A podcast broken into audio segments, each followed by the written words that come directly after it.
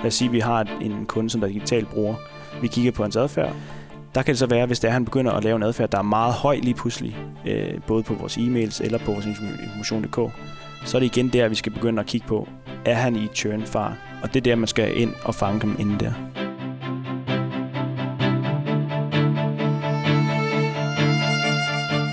Velkommen til Subscription Talks. En podcast-serie, hvor vi ønsker at samtale os godt og grundigt rundt om, og faktisk også i dybden med abonnementsforretningsmodellen. Og hvem er vi? Vi er Subscribe. Vi tror på, og vi arbejder utrætteligt hårdt på at sætte hele verden i abonnement. Hverken mere eller mindre. Og ved I hvad? Abonnementsmodellen er simpelthen en bedre forretningsmodel. Ikke blot for virksomheder, men også for abonnenterne.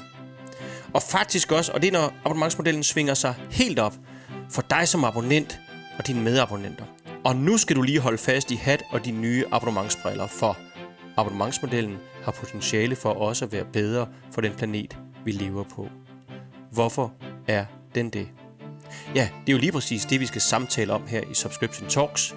Her er jeg jeres vært. Jeg er Jonas Jul Jeppesen, direktør og partner i Subscribe. Velkommen til Subscription Talks.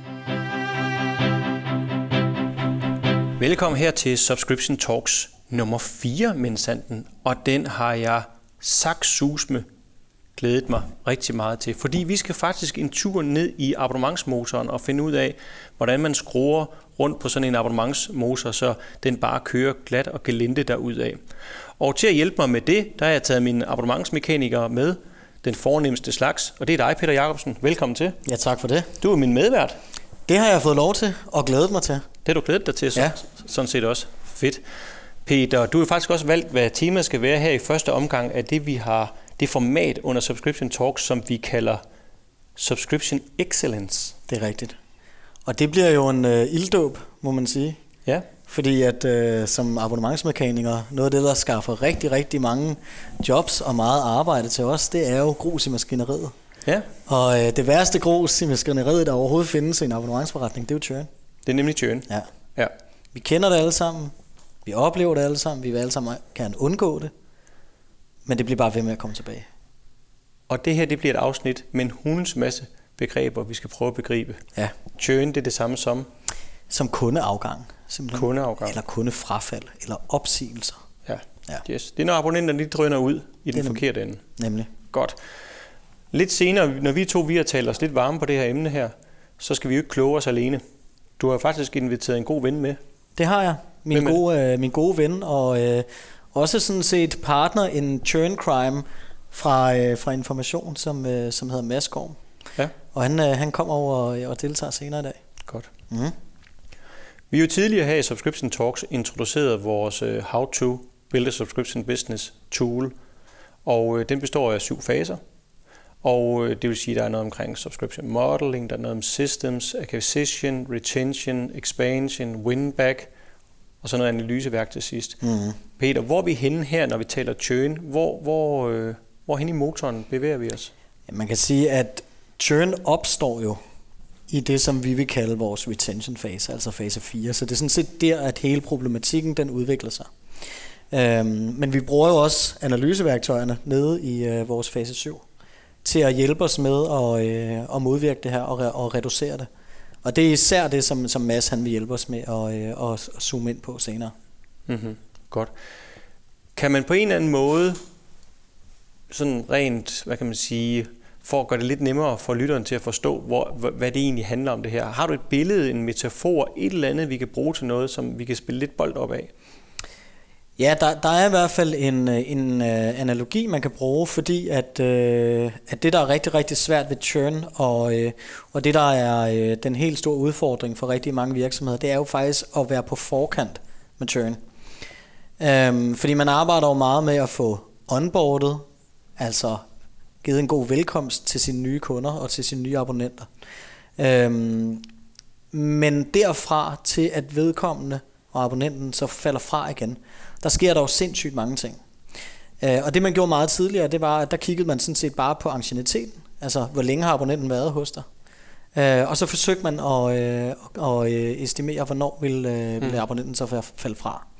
Men der er man jo så blevet meget klogere. Øhm, altså det er nærmest sådan lidt at sammenligne med sådan noget overlevelses Ja, det er det. Sådan noget. Og, og faktisk lige præcis medicinalbranchen og forsikringsbranchen, som uh, sælger livsforsikring, de bruger det her rigtig meget. Mm-hmm. Um, og hvis man skulle drage parallellen dertil og, og fortælle lidt om den analogi, så, så svarer det jo sådan set til, at når man, når man træder ind i livet som en lille baby, så uh, er ens uh, estimerede churn jo sådan set på det tidspunkt, som er den gennemsnitlige dødsalder mm-hmm. eller levealder. Altså hvornår dør man i gennemsnit som menneske i det område, som man er født i. Mm-hmm.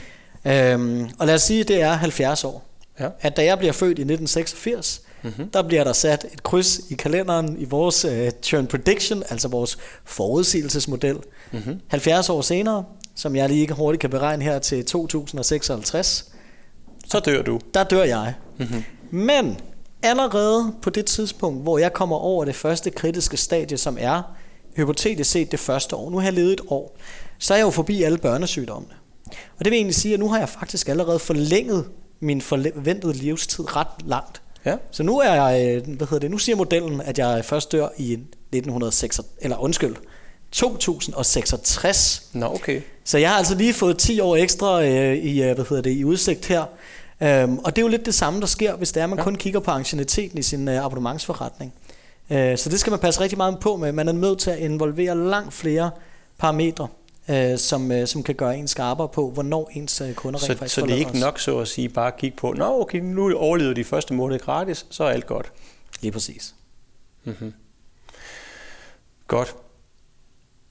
Egentlig så, øh, så er der mange virksomheder, jeg har lagt mærke til, som tilgår det her med frafald og churn, når det sker. Ja.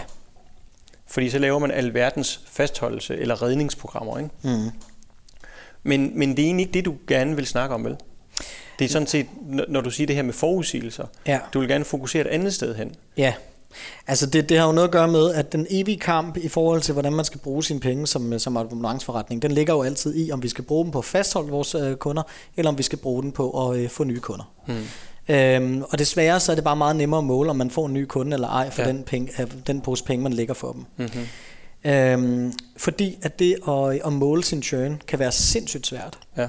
Og det, der er endnu sværere, det er sådan set at sætte modellen op for, hvordan man kan forudse churn. Altså prøve at kigge på, hvad er det for nogle ting, der sker, inden en given abonnent forlader abonnementsforretningen. Øhm, og sådan helt øh, ind til benet, så er det jo øh, fordi, at, øh, at vedkommende har oplevet, altså kunden har oplevet, at der er en eller anden, øh, hvad hedder det, et eller andet værdigrundlag, eller den value for money, som man oplever at få, den har, den har ændret sig, eller den har ikke været til stede, så man er sådan set ikke tilfreds med det, man køber. Men årsagen til, at man kommer til den erkendelse, den er der en rigtig, rigtig lang række adfærdsparametre, som man kan begynde at bruge. Og det er det, der er spændende, at begynde at finde ud af, hvad er det egentlig, der skaber det gap, der er imellem, hvor mange penge jeg bruger, og hvor meget værdi jeg får ud af min øh, hvad hedder det, abonnementstjeneste. Det er det, som vi gerne vil prøve at arbejde med og finde ud af, hvordan man kan øh, få præciseret. Så det, det sorterer under det her med, at abonnementsforretning og medlemsforretning, det er et retention game. Det er nemlig lige præcis, hvad det er. Hvor det her stykke værktøj, eller den her metode, den her tænkning, den er en del af den disciplin, ikke? Jo. Ja. Og det er bare noget, man bliver nødt til at, øh, at fokusere rigtig, rigtig meget på, fordi at når der er så mange virksomheder, der kommer i abonnement, så er det en ny disciplin for rigtig, rigtig mange af dem, der måske har været mere transaktionsbaseret. Og den her måde at tænke på vil være meget øh, svær sådan set at omstille sig til, både øh, som individ, men også som organisation. Øh, og det er jo lidt det, som vi gerne vil prøve at, øh, at kloge os en lille smule på i dag, øh, og især få Mads til at kloge sig på. Mm-hmm. Inden vi lige øh, åbner mikrofonen op hos Mads, så kunne jeg egentlig godt lige tænke mig at blive lidt klogere på dig. Ja. Og øh, nu kalder jeg dig jo sådan lidt lystigt vores abonnementsmekaniker. Men øh, hvad ligger der egentlig i det at, at være mekaniker i en abonnementsforretning? Oh ja, det er jo et godt spørgsmål. Øhm, altså sådan helt øh, objektivt, så ligger der jo det i det, at man arbejder med en motor. Øhm, og det vil jeg jo egentlig også påstå, at det jeg gør, fordi det der jo driver en abonnementsforretning indefra, det er jo motoren. Og det vil sige, det er jo alle de processer, og de principper og de medarbejdere og, øh, og de interne strategier, man har for at arbejde med, sin, med sine kunder øh, og med sine abonnenter. Og det er jo sådan set det, som, som jeg har brugt øh, mere eller mindre hele min øh, karriere på. Øh, så de sidste 15 år har jeg jo sådan set siddet i abonnementsforretninger inden for alle mulige forskellige brancher. Det har både været inden for medier, og det har været inden for tele, og det har været inden for det, som man jo meget fancy kalder for fintech. Men, øh, men det, der har været den gennemgående øh, fællesnævner, har jo været, at, øh, at der altid har været en abonnementsmodel tilknyttet de kunder, som, øh, som vi havde i forretningen. Øh, og der synes jeg bare, at det er mega spændende, både at arbejde med, hvordan man kan tilfredsstille kunderne, men i lige så høj grad arbejde med, hvordan man som organisation og virksomhed kan skabe de rigtige arbejdsgange, og skabe de rigtige forudsætninger for, at man kan bruge tid på at arbejde med sine kunder, i stedet for at arbejde med grus i maskinen, sådan set. Mm. Mm. Så det er det med hele tiden at fine-tune det her apparat, den her maskine, den her Mm. motor, Ja, hvad vi nu kan kalde den, ikke også? yes. Og der er masser af ting, man kan gøre. Det er der. Altså jeg kan egentlig godt lide det der øh, billede af et reaktionsmønster, som er det reaktionsmønster, som et Formel 1-team de har, når, øh, når bilen den kører i pitstop. Mm-hmm. Altså man skal jo lidt se den bil som, at den er på vej til at churn, fordi nu er der altså et eller andet galt. Ja. Ja. Vi er nødt til at fikse det her, og det skal bare være nu. Og der ved alle lige præcis, hvad de skal gøre ved det givende problem. Ja. Øh, og fikser det jo på, øh, på under 5 sekunder oftest. Ja, Ikke? ja. Og der kan man jo godt se som abonnent nogle steder, at man har nogle udfordringer, forsøger at komme i kontakt med kundeservice, skriver en mail, og lige pludselig så er der gået altså tre uger, uden at man sådan rigtig har fået Ja, løst ja. sin Det er udfordring. faktisk et meget godt billede på det, ikke? Fordi det, vi kommer til hurtigt bare at købe os en ny bil. Ja, og det er også lidt absurd et eller andet sted, at man kan... absurd. Også økonomisk absurd. Ja, Altså. Tidsmæssigt absurd. på alle de områder der, som vi måler vores øh, glæde omkring abonnentet på, Mm. mm. abonnementet på. Ikke? Mm. Så det er, det er jo egentlig det, der er baggrunden, og egentlig også er sådan øh, min store passion i den sammenhæng. Din yndlingskopi inden for abonnementsverdenen, hvad er det? Inden for motor, motor, den her motorsport, hvad er det? Jamen altså, nu, øh, nu er det jo sådan, at når man har en abonnementsforretning, så er der jo en kopi, som i virkeligheden indikerer, om man har gjort sit arbejde godt nok. Og det er jo CLV'en, mm-hmm. altså Customer Lifetime Value. Og det er jo en KPI, som, øh, som fortæller dig, hvor meget værdi har kunden og abonnenten skabt for virksomheden i den periode, som, øh, som abonnenten har været her. Øh, og det er jo en direkte indikation på, hvor tilfreds abonnenten også har været. Ja. Og derfor er det her churn-arbejde jo mega, mega vigtigt, ja. fordi der forlænger du levetid. Nemlig.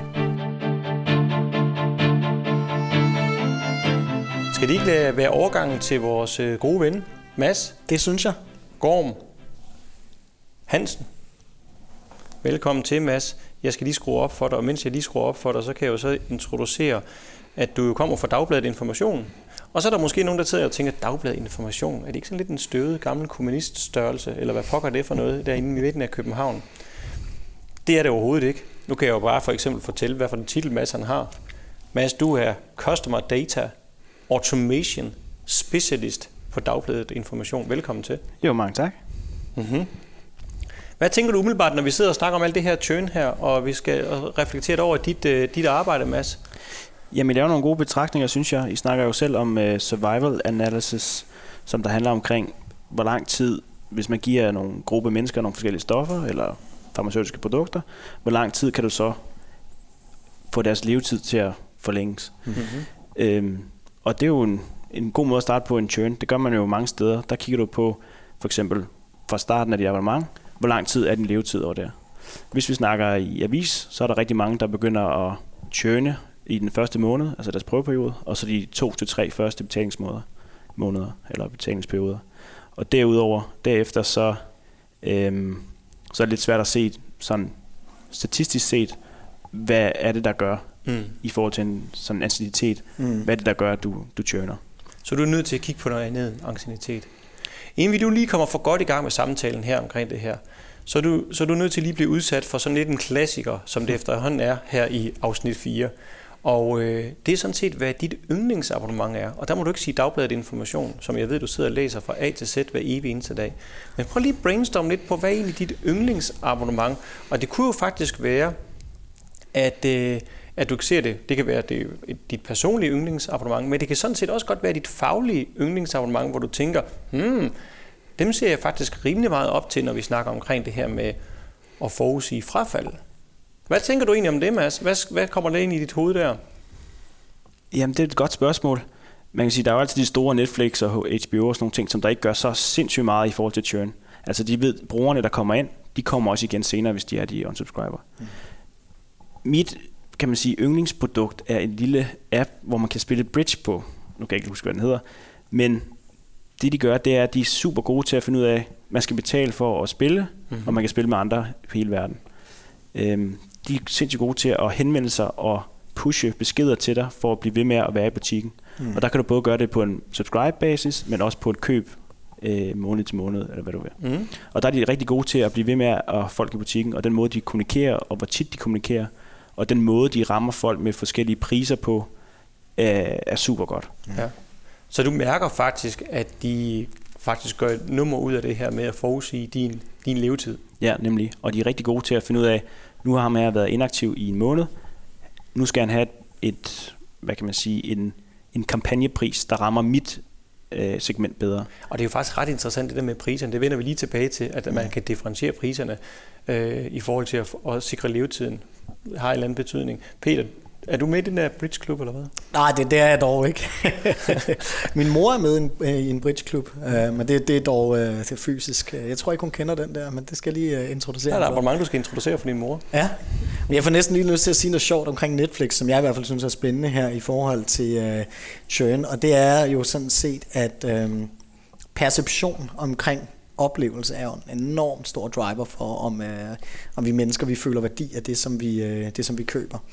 Øhm, og det, der var virkelig, virkelig sjovt med den her øh, serie øh, bølge, der har været siden streamingtjenesterne for alvor øh, tog fart, øh, det er jo, at når man sætter sig ned og skal bruge en streamingtjeneste som Netflix, så er det jo de færreste, der tænker, nu skal jeg sætte mig ned og bruge 8 timer på at binge-watche den her serie fra ende til anden. Man tænker faktisk, at man har så kort tid, at man sætter sig ned og har ikke engang tid til at se en film. Så derfor så sætter man et, øh, et afsnit på af sin yndlingsserie, der måske varer 25 minutter. Men man ender faktisk i rigtig, rigtig mange situationer med at sidde længere tid end den øh, tid, som det vil tage at se den film, som man ikke havde tid til at se. Så der er jo noget kortsigtet, som er ret interessant i forhold til churn prevention her, som, øh, som Netflix gør. Mm-hmm. Godt. Prøv lige at forklare over hos dig, Mads det arbejde, du har i det daglige over på Dagbladet Information, hvad, bare introducere for lytterne, hvad går det egentlig ud på? Hvordan ser sådan en dagligdag egentlig ud for sådan en Customer Data Automation Specialist? Man. ja, men jeg sidder jo til daglig og kigger på øh, folks adfærd på digital platform. Mm. Vi har jo både to apps, øh, hvor folk kan læse vores artikler på, og så har vi vores information.dk, og så har vi alle vores nyhedsbreve. Og der sidder jeg og kigger på, hvad er folks adfærd på de forskellige platforme, og hvordan spiller de ind i forhold til folks for eksempel levetid, det kan være i churn prevention, det kan også være folk, der, der kommer ind som gratister på information.dk, og der kan vi kigge på, øh, hvad, kan vi gøre noget for, at de bliver konverteret til et køb. Mm-hmm. Så det er at kigge på den digitale adfærd, de har, og lave, finde ud af, hvad, hvad vil vi med den, mm-hmm. den abonnement, eller bruger, eller hvad det er. Ja. Mm. Og så rå bruger I bare data for at fastholde abonnenten helt vildt, eller hvad? Nej, det er... Ja. det, det ved jeg jo godt, I ikke gør, fordi at... Øh, man kan sige, at vi er meget etiske i forhold til vores øh, struktur og brug af data. Det, vi, vi sender ikke for eksempel øh, e-mailadresser over til tredjepart og, og sådan nogle ting, så vi, vi er rimelig etiske i forhold til vores databrug. Øhm, og har har sørget for, at vores e-mails de bliver, de bliver krypt eller hashet, så folk ikke kan se, vi ikke kan se, hvem det er for nogle brugere, der er mm. på den anden side. Jeg synes også, det er vigtigt bare lige at understrege her, mm. en gang for alle, at noget af årsagen til, at du faktisk er med, det er, fordi I er simpelthen så ordentlige. Det er fantastisk fedt at arbejde med nogen som jer, som er så ordentlige, og så alligevel så begavet til at arbejde med de her ting her, mm. at, øh, at øh, ja, det er sådan set en fornøjelse. Og øh, inspiration til eksempel, ikke? Altså, at, ja. at øh, det, sådan burde alle jo sådan set tænke, og have den der ordentlighed, ja. den der, de der etiske retningslinjer, som I jo netop arbejder med, ikke? fordi det andet bliver simpelthen for kortsigtet. Ja, og det her med at bruge data, altså bruge øh, altså forbruger- og kundedata, er jo også lidt blevet sådan et, et fyreord, ikke? Jo. Øhm, og jeg oplever også især, altså, at de virksomheder, som er gode til at gøre det samtidig med de ordentlige, altså, det er jo fordi, de rent faktisk gør det for at skabe en bedre oplevelse, mm. og ikke for at, øh, nemlig som du er inde på, at sælge data, eller øh, hvad hedder det, forsøge at manipulere øh, forbrugerne. Mm-hmm. Godt. Nu sagde du der til at starte med, Peter, da vi introducerede det her med churn, at øh, ancieniteten, og det forlænger du jo sådan set lidt, gentager du, Mads, ancieniteten er simpelthen bare slet, slet ikke nok Nej. til at forstå, hvordan vi kan forstå levetiden på en abonnent. Hvad er det for nogle andre parametre, Mads, som I kigger på? Du, du siger, du kigger på adfærden, på, altså den digitale adfærd. Altså, hvad, hvad, hvad sådan helt konkret kigger I på der? Jamen, vi bruger rigtig tit øh, folks øh, digitale adfærd på øh, vores platform, og ser på, er der en, en ændring i den adfærd. Ja. Øh, det kan fx være på, på, på app. Er der en, vi har en bruger, som der har deres læsemønster på app, Mm-hmm. har de en, en ændring i deres adfærd? Begynder Ja. de at bruge appen mere eller mindre? Ja. Er de hoppet mere over på information.dk og læse, øh, læse vores artikler over på information? Eller Ja. hvordan er krydset mellem de forskellige platforme? Er det, godt, er det godt eller skidt, at de skifter? Det kan være, det er fint, det gør ikke noget. Bare de finder ud af, at de har det rigtige læsemønster, mm, så er vi ja. glade. Og hvis folk begynder at, at opføre sig underligt i forhold til læsemønster, så er det der mønster, så er det der, vi skal begynde at kigge på, øh, er, er, de, er de churn, øh, har de en churn-adfærd? Ja, fordi det er jo et godt spørgsmål, det her med, om er det godt eller dårligt? Øhm, fordi i rigtig, rigtig mange tilfælde, der ser man faktisk, at ændring i stabil adfærd er et stort problem for, øh, for en abonnementsforretning. Hvis man skal tage den lidt tilbage til, øh, til hele vores øh, livscyklus øh, tilgang, Overlevelsessnakken, ja. ja. så kan man jo sige, at, øh, at hvis man udelukkende bruger ancieniteten, og jeg har ramt en alder af 45, så er jeg faktisk øh, en relativt stabil abonnent på livet. Men øh, hvis jeg er vant til at cykle, og jeg lige pludselig som 45-årig beslutter mig for, at nu, nu skal jeg begynde at køre bil ind i midtbyen, og det skal jeg sådan set gøre upagtet af, om jeg er klar til det eller ej, eller har et kørekort, så vil min risiko for, at jeg dør, den vil stige ret markant. Øh, og ret øjeblikkeligt faktisk. Fordi du bryder dit mønster. Ja, og fordi jeg nok i virkeligheden adfærdsmæssigt ikke er klar til at bryde det mønster. Mm. Øhm, og, øh, og uden at man kan drage en direkte parallel, så er der jo en sammenhæng i, at hvis man kun kigger på ancieniteten der, så vil vores model jo sådan set ikke øh, opdage, at øh, der nu er sket en ændring i min adfærd. Og så vil min, hvad hedder det, øh, min øh, estimerede levetid nok stadig ligge på omkring 85 år. Mm. Men i virkeligheden er den måske reduceret til 50. Ja. Og det er lidt det samme, som du er inde på her med, altså hvis vi kun kigger på ancieniteten, så kommer den til at have en så stor indflydelse, at det er nødvendigt at gå ind i sin øh, abonnementsforretning og finde ud af, hvad er det ellers, der kan drive churn. Ikke? Jeg synes, det, jeg synes, det er ret interessant, Mads, at du siger det her med at læse mønstre. Ja. Og det her med et brud på mønstret. For det vil jo ikke være et brud på mønstret, at man skifter. For det kan jo være netop mønstret, at man skifter. Frem og tilbage, læser forskellige steder. Men, men, men, men hvad kan et brud i, i din verden være på, på sådan et, øh, et læsemønster? Man kan sige, tit så er det folk, der har stor sandsynlighed for at churne, for eksempel, så er det folk, der har en meget lav aktivitet digitalt. Mm. Lad os sige, at vi har en kunde, som der er digital bruger. Vi kigger på hans adfærd, og han har meget lidt øh, adfærd inde på vores, vores produkter. Mm. Der kan det så være, hvis det er, at han begynder at lave en adfærd, der er meget høj lige pludselig, øh, både på vores e-mails eller på vores information.dk, så er det igen der, vi skal begynde at kigge på, er han i churn-far? For det er den adfærd, at der gør, at han er inde og kigge på sit produkt, han er inde og kigge på, er det noget, han har lyst til at være en del af mere? Og det er Ah. der, man skal ind og fange dem inden der.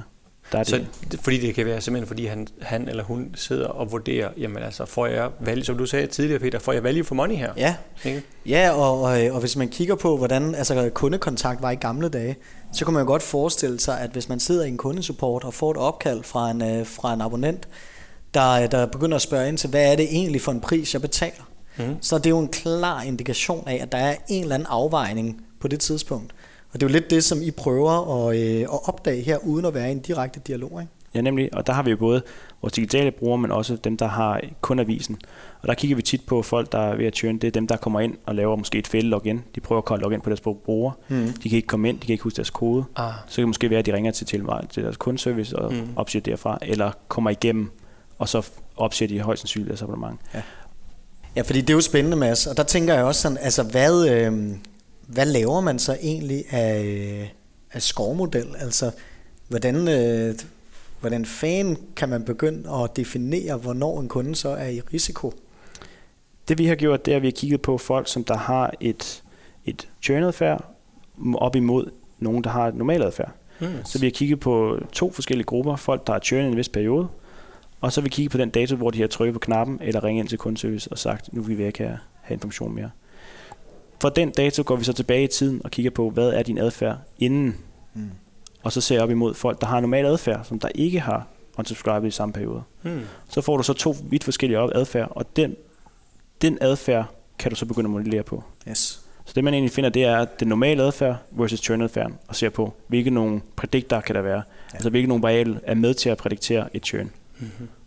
Og ja. det er sådan princippet, man gør det. Men der kan sige, der er mange variable, der spiller ind der. Det vigtigste er, når man laver en churn det er at definere helt konkret, hvad, hvilken slags churn er det, vi kigger på. Er det fra et kundeservice? Er det fra tryk på knappen på information.dk, altså mm-hmm. unsubscribe-knappen? Mm-hmm. Det kan være mange ting. Er det fordi dine mm. kortoplysninger er, er, er expired? Ja. Og kunne, det, uh, kunne det være, altså, hvor starter man henne sådan? Fordi jeg ved, at især når vi er ude og besøge virksomhederne, så er det faktisk ret sjældent, at de arbejder sådan hardcore med churn prediction. Så, så hvis man vil i gang, altså hvordan finder man ud af, hvad der sådan er, øh, er de første parametre, man skal begynde at, at, øh, at kigge på? Jamen igen, få godt styr på data, kig på, hvilke nogle, hvilke nogle churn-adfærd er der, og hvilke nogle forskellige produkter har du, og hvilke forskellige kunder har du. Mm. Er det, vi har jo både folk, der er fast bagkant, altså folk, der har en vis stopdato, det er det, man kan kalde en styksalg, og så har vi dem, som der bliver ved med at, en fortløber abonnement, abonnement mm. som der er dem, der bliver ved med at være abonnenter, indtil de opsiger deres abonnement. Mm. Og det er jo dem, vi kigger på. Og det er dem, vi godt vil se på, hvornår er de journer.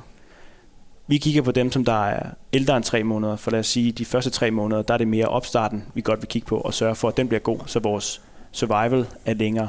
Yes. Men når vi kommer efter de tre måneder, så vil vi godt kigge på adfærd og se på, er der en chance for, at hvilken som helst person journer. Ja. Og det er de kunder, som der er dyre at miste, for det er dem, der har en potentiel, de er kommet over børnesygdommene, mm-hmm. så de har en potentiel, en stor sandsynlighed for at blive ved øh, med at være i butikken. Ja. Og der vil vi godt forlænge den levetid ekstra. Og, og, og der kan man jo bare gøre, altså nu, nu snakker man den her økonomiske øh, vurdering, skal man bruge det på at skabe en ny, eller skal man fastholde, ikke? Og man bruger jo tit rigtig mange penge på at skabe en abonnent, ikke? Mellem 5 og 500 kroner, 1000 kroner måske i, i et avis-setup, ikke? Mm. Hvis ikke mere. Ja. Altså, hold op, hvor kan man gøre meget, hvis man har sat sit system op, og de der, for at bruge billedet igen, for de der, der når racerbilen kommer ind og lige skal fikses, hold op, hvor kan man få meget ud af at omdirigere sin økonomi til at så fokusere på lige at få styr på den der læserytme igen, eller mønstret igen, ikke? Ja. ja. ja. Og det er jo så det næste. Altså lige præcis, når du så har udviklet din model, øh, og man begynder at kunne se, at der er nogle abonnenter, der bonger ud og øh, lyser rødt, og, øh, og indikerer, okay, der er altså et eller andet her, øh, der, øh, der ser ud til at være problematisk, og den her kunde kommer nok til at churn snart. Så skal man jo også være klar på det, som vi kalder churn intervention. Altså, hvilken indgriben skal vi så gøre? Øh, og der kommer der også en serie af aktiviteter, som man er, øh, som man er nødt til som, som virksomhed at forholde sig til, hvordan man har tænkt sig at eksekvere. Mm. Så der, der skifter du, siger du Peter, fra at du er du observerer adfærden, du observerer brud i mønstre, ja. til at du så griber ind ja. en handling eller hvad? Ja, lige præcis, fordi man kan sige, analysen i sig selv har jo faktisk ikke nogen værdi. Nej. Altså den gør os kun klogere, men hvis vi ikke reagerer på den hvad hedder det, viden, vi får, så, øh, så får vi aldrig nogensinde ændret den adfærd, som vi, som vi gerne vil ændre. Mm. Uh, og det kan man jo gøre på rigtig, rigtig mange forskellige måder. Uh, men det er vigtigt, at man, uh, man sørger for at matche den indsats, man har, med den hypotese, man har for, uh, for opsigelsen, mm. som man tror kommer. Og er, er der levende eksempler på det? Mads, over i jeres butik? Man kan sige, at vi gjorde meget i starten, kiggede vi på vores churnanalyse og se på, okay, hvad er det, der får folk til at churn? Og der, der brugte vi mange af de ting på at få det måske bedre fast, øh, bedre opstart, øh, flow osv. Ja. Vi har sådan en, en 15-dages predictor, så vi kigger på dagen, øh, 15 dage før modellen og siger, fint nok, hvad er sandsynligt for, at du, du, du churner om 15 dage? Ja. Og der, der begynder vi så at sende øh, telefonnummer til marketing, ja. hvor de så ringer og siger, øh, er du glad for det abonnement? Ah. Og spørger dem der. Men man kan sige, at man kan gøre mange, mange ting ved det. Mm. Vi kan jo sende folk over i, direkte over i, i Facebook eller Instagram for at ligesom aktivere dem igen. Prøve at få dem ind på ah, vores platform yes, yes. på andre platforme. Mm-hmm. Det er ikke noget, vi gør i, men man kan gøre rigtig mange ting i, i forhold til, til, til den digitale adfærd. Ja. Hvordan kan du få folk over på vores platform igen? Er det der, hvor man begynder at mixe med tredjepart? Det, det du sagde tidligere? Eller hvad? Nej, det er det nok ikke, altså, fordi det er jo stadig ens egen kampagne og sådan, altså, så ja. man fortæller jo aldrig Facebook, at, øh, at det er fordi, man har øh, en Nej. ansættelse her. Nej. Okay. Men man kan sige, at det der er det smarte ved at, at bruge den mere sådan analog og klassiske tilgang ved at tage en dialog med, øh, med abonnenten, det er jo, at man får mulighed for rent faktisk at høre dem. Ja. Øh, og der er det jo så vigtigt, at man også giver sine, sine medarbejdere, der sidder ude i sin frontline, en, øh, et vis mandat til at, at kunne gøre noget ved problemet. Mm-hmm. Fordi hvis man bare bliver ringet op og bliver spurgt, er du tilfreds med dit abonnement, og man så siger, nej, det er jeg ikke, øh, jeg synes, det er for dyrt.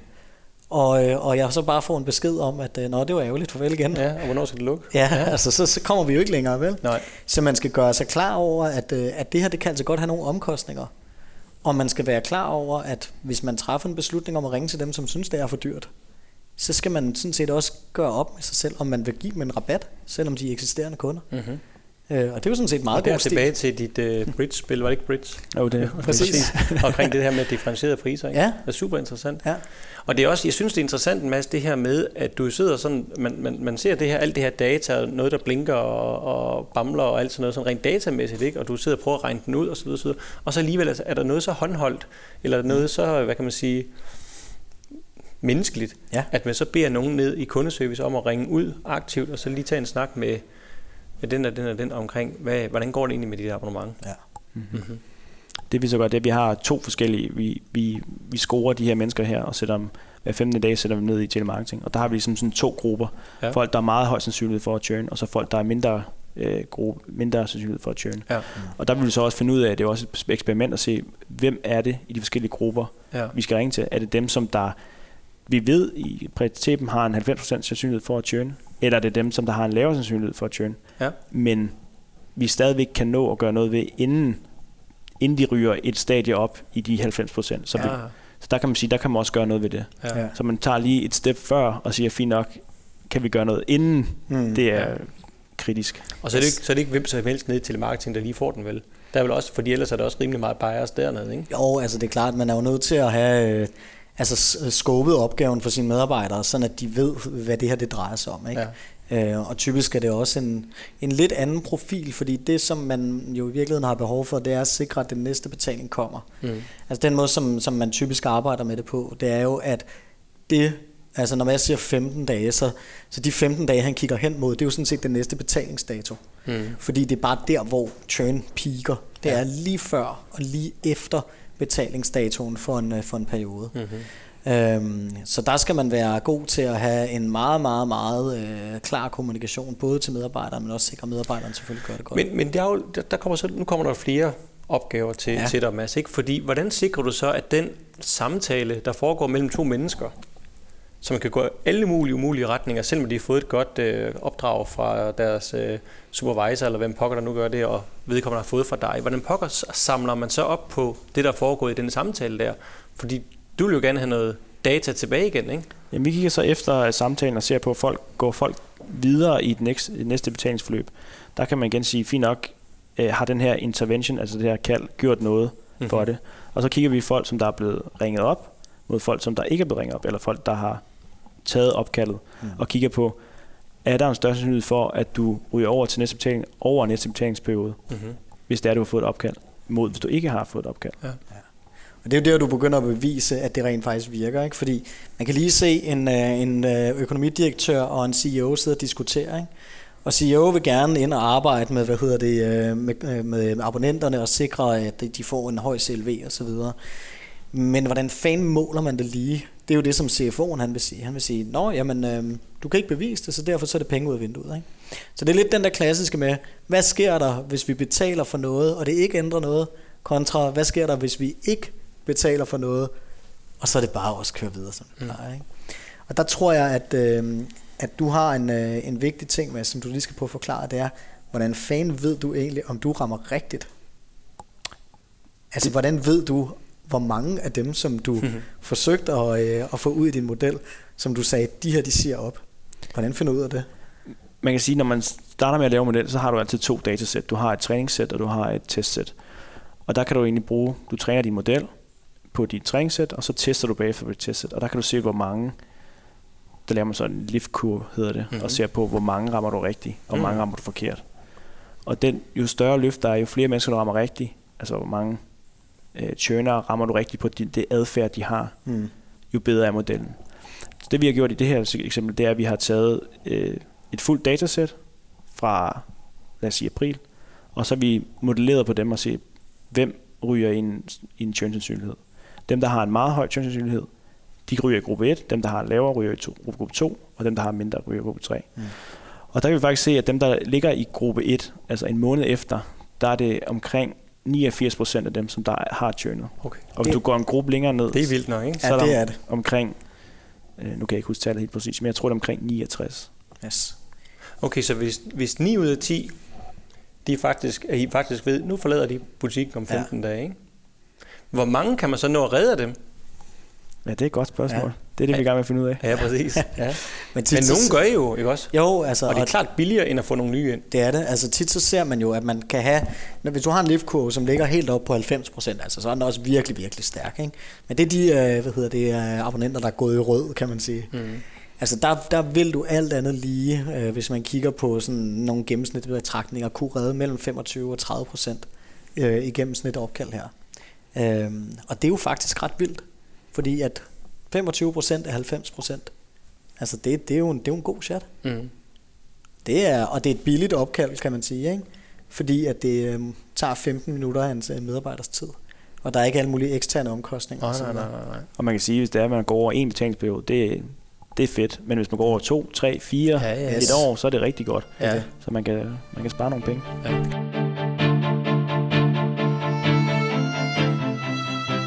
Jeg sidder og tænker på, Peter, det er lidt sjovt, for vi er jo gamle, vi er jo gamle kundeservice øh, telemarketingstyper, ikke? Ja. Gamle dage. Og øh, så det er jo egentlig ikke en ny disciplin, det her. Jeg kan huske øh, helt tilbage i midt-90'erne, da jeg sad på lyt nede i kundeservice, jeg jo lige var startet, så blev jeg introduceret for det her begreb blinker. Ja, ja, det er rigtigt. Det her med, at hvis der er en abonnent, som inden for en kort periode, for eksempel inden for en uge, har oplevet dårlig levering, Ja. og man, så, så markerer man så inde i systemet, inde i det gamle øh, host mainframe-agtige system, Yes. markerer man så, det var så en gang. Ja. Nu er det så to gange, og så er det tre gange. Og så forudså man sådan set sandsynligheden for, at de ringer og siger op nu, den er stor. Ja. Tjek. Godt. Vi laver et lederkald. Det betyder, at en supervisor, en leder, ringede proaktivt, eller hvor proaktivt det nu var, ja. ud til abonnenten, og så lige skulle høre, om alt var vel. Fordi man sagde bare, som det var. Jeg kan se, at du har haft problemer. Og det var jo fantastisk effektivt, ikke? at man kunne tage jo. den på forkant, før de skulle ringe tilbage. Ja, lige præcis. Altså, det er jo nærmest før, det gav en fantastisk fastholdelse, ikke også? Jo. Øh, også på den lange bane, fordi tænk engang, at de var opmærksomme på mig. Ja. Og det er egentlig bare det, Mads, eller bare, bare, det er det, du sætter i system. Det er korrekt, ja. Ja. Og så bare et meget mere nuanceret system. Altså, så du har mange blinkere, ikke? Ja, jeg har omkring øh, 40, 40 variabler, der sidder og, og beskriver, beskriver, hvordan kundens adfærd er. Så du har 40 blinkere. Man kan sige, så er der nogen, der ryger fra en model og så videre, så Ja. det, det er færre end det, men vi starter jo datasæt ud med omkring 40, 40 variabler. Ja. Og er det ikke rigtigt, at i, lige præcis i den model, der er de 40 variable, der er anciennitet ikke en del af det. Vi har ikke taget, jeg har ikke taget identitet med i den. Fordi den forstyrrer simpelthen for meget, ikke? Jo, man kan sige, igen, der er den er god øh, i starten, altså når man kommer over de børnesygdomme. Mm. Og så efter det, så bestiller den, så er den, er den vægteren så højt i modellen, at den, den måske tager, tager noget af, lad os sige, den kan tage nogle af de andre små variabler, der kan være med til at prædiktere det her. Så den, den, den forstyrrer simpelthen. den, forstyrrer, Den støjer for meget. det er en stor størrelse, det, kan man sige. Hvordan, hvordan kan vi lige nu, Peter, dit øh, overlevelseseksempel, hva- hvad du sagde jo sådan set også, at ancienniteten den støjer for meget. Den støjer så meget, at ham der på 45, vi opdager slet ikke, at han var i gang med at lave noget fuldstændig vanvittigt Ja. i sit 40, kri- 40-års krise. Jamen altså, hvis man kigger på øh, min mormor for eksempel, og det er faktisk ikke løgn det her, hun, er, øh, hun bliver 103 her den 21. november. Okay. Mm. Yes. Øhm, hvis hun havde været inde i sådan en øh, model, hvor anciennitet havde været en del af det, Hvilket hun er. Ja det er hun jo sådan set, Ja. så ville hun jo fra hun blev, lad os sige, 85, mm. som var, øh, hvad hedder det, altså, det er jo en relativt høj alder stadig, så ville den model faktisk hele tiden score hende til, at hun kommer til at tørne, altså dø, øh, inden for de næste to år. Mm. Men det er jo derfor, at modellen den øh, af en eller anden grund ikke er stærk nok, når den kun kigger på ancienniteten, fordi ja. det skete jo ikke, og nu er det altså 20 år siden, at den Ja, ja, ja. kan tage det hvert år. Ja, ja. Hmm. Mm. Ret interessant. Ja. Godt. Jeg kunne egentlig godt tænke mig lige at blive sådan lidt mere, hvad kan man sige, jordnær igen, og finde ud af, hvordan pokker kommer man godt i gang med det her. Ja. Hvis man sidder derude og har en abonnementsforretning, og man har købt ind på det her med, at det er et retention game, og det har man forhåbentlig, og, øh, og man godt kan se det her med at, at blive lidt, hvad kan man sige, smartere på sine blinkere, ikke også, og få sat dem i system. Ja. Mads, altså, hvordan kommer man stille og roligt i gang med det her? Altså, for- så inden, inden det bliver sindssygt langhåret, og så man har investeret i alle mulige ting, og så kan man alligevel ikke øh, gøre noget ved det alligevel. Altså, hvad, hvad er dit gode råd her? Jamen, det, kom, det er lidt svært, det kommer an på, hvordan din data, data er. Mm. Øhm, men det vi gjorde, da vi satte det i gang, det var, at vi havde nogle, øh, nogle små workshops, der beskrev med forskellige mennesker på en mission, der sad og beskrev, hvem, hvem er vores kunder, og hvornår, hvornår kan de churne, hvem er de, hvilken noget data har vi. Og så sad vi og snakkede om, hvad tror vi, alle os sammen, hvad tror vi, der gør, at folk de øh, unsubscriber. Sådan en god omgang, god sund fornuft og en masse erfaringer. Ja. ja. Så kommer der nogen, der siger, en brainstorm kan man også kalde det. Mm-hmm. Så er der nogen, der siger, jeg tror, at hvis folk de ikke kan logge ind på deres øh, digitale brugere, så bliver de irriteret. Så tager vi den med i vores model. Det kan være, at folk lige logger ind på mitinformation.dk, altså ind og kigge på deres abonnementsoplysninger. Det kan måske være, gør de det tit, så, øh, så tager vi også den med. Mm. Så det er sådan en, øh, man bruger en masse variabler og kigger på frequency og, mm-hmm. og recency, og så ser på, hvad, hvad, hvordan er den her person i forhold til de her forskellige ja. adfærd. Og det der, det er den helt rigtige måde at gøre det på. Altså fordi, det man hurtigt kan, kan se for sig, det er jo, at man, øh, man starter i data i stedet for. Og hvis man gør det, så får man dels et billede af, hvordan adfærden er i dag, og, og hvordan ja, ja. fortiden ser ud. Øh, men man kan også hurtigt blive fanget i, øh, i sådan en øh, altså analysis paralysis, som man kalder det. Altså mm. at man mhm. simpelthen bliver lammet mm. af al den data, der ligger. Ja. Så hypotesevejen, og rent faktisk ture at sige, jeg tror simpelthen, at når, øh, når en kunde går ind og tjekker sin, øh, hvad hedder det, sin abonnementsvilkår, at så, så det er en eller anden indikation, og så få den med på listen. Altså ja. det, det kan jeg kun bakke op omkring. Ja. Så simpelthen bare god, gammel, sund fornuft. Og så kom i gang, og så ja. få det testet, ja. altså, fordi det virker sgu. Så det, så, så det der med at turde teste, eller gøre noget ved det, ja. Og ikke bare sidde der i sit uh, elfenbenstårn og, og vurdere og kigge lidt på tingene. Nej, jeg bliver ved med at regne, og kunne den have uh, indflydelse herover og kunne den parametre have den her årsag, og mm. hvis vi ikke ved det her, så kan vi ikke komme videre. Mm. Altså det er jo tit det, der sker, uh, når man analyserer for meget. Ikke? Ja. Interessant. Mm. Mads, du skal have tusind tak, fordi du kom forbi. Det var virkelig spændende at lytte til. Jeg, jeg sidder faktisk ærligt talt, gutter. Jeg sidder her og bliver sådan bliver klogere på det her. Det, det håber der sådan set også nogle andre, der gør. så, ja, så mega, mega spændende. Så øh, god fornøjelse fortsat, Mads. Jo, tak. Med dit arbejde over på Dagbladet Information som, som superspecialist på det her område her. Fedt.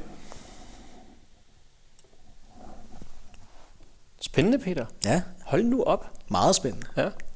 Hvad står vi egentlig tilbage med, synes du? Hvad er, hvad er vores, vores læringer her fra vores møde med Mads? Jamen det er jo, altså det er jo øh, kan man sige, abstraktionsniveauet har jo været i, øh, i mange højder og, øh, og dybder i dag. Øh, så jeg tror, at, øh, at, at det man skal tage med herfra, eller det jeg i hvert fald tager med herfra, som, øh, øh, det vil være, at der er ingen tvivl om, at man er nødt til at arbejde med det her som virksomhed. Mm. Øhm, og der er faktisk heller ikke nogen dårlige undskyldninger længere for ikke at gøre det. Nej.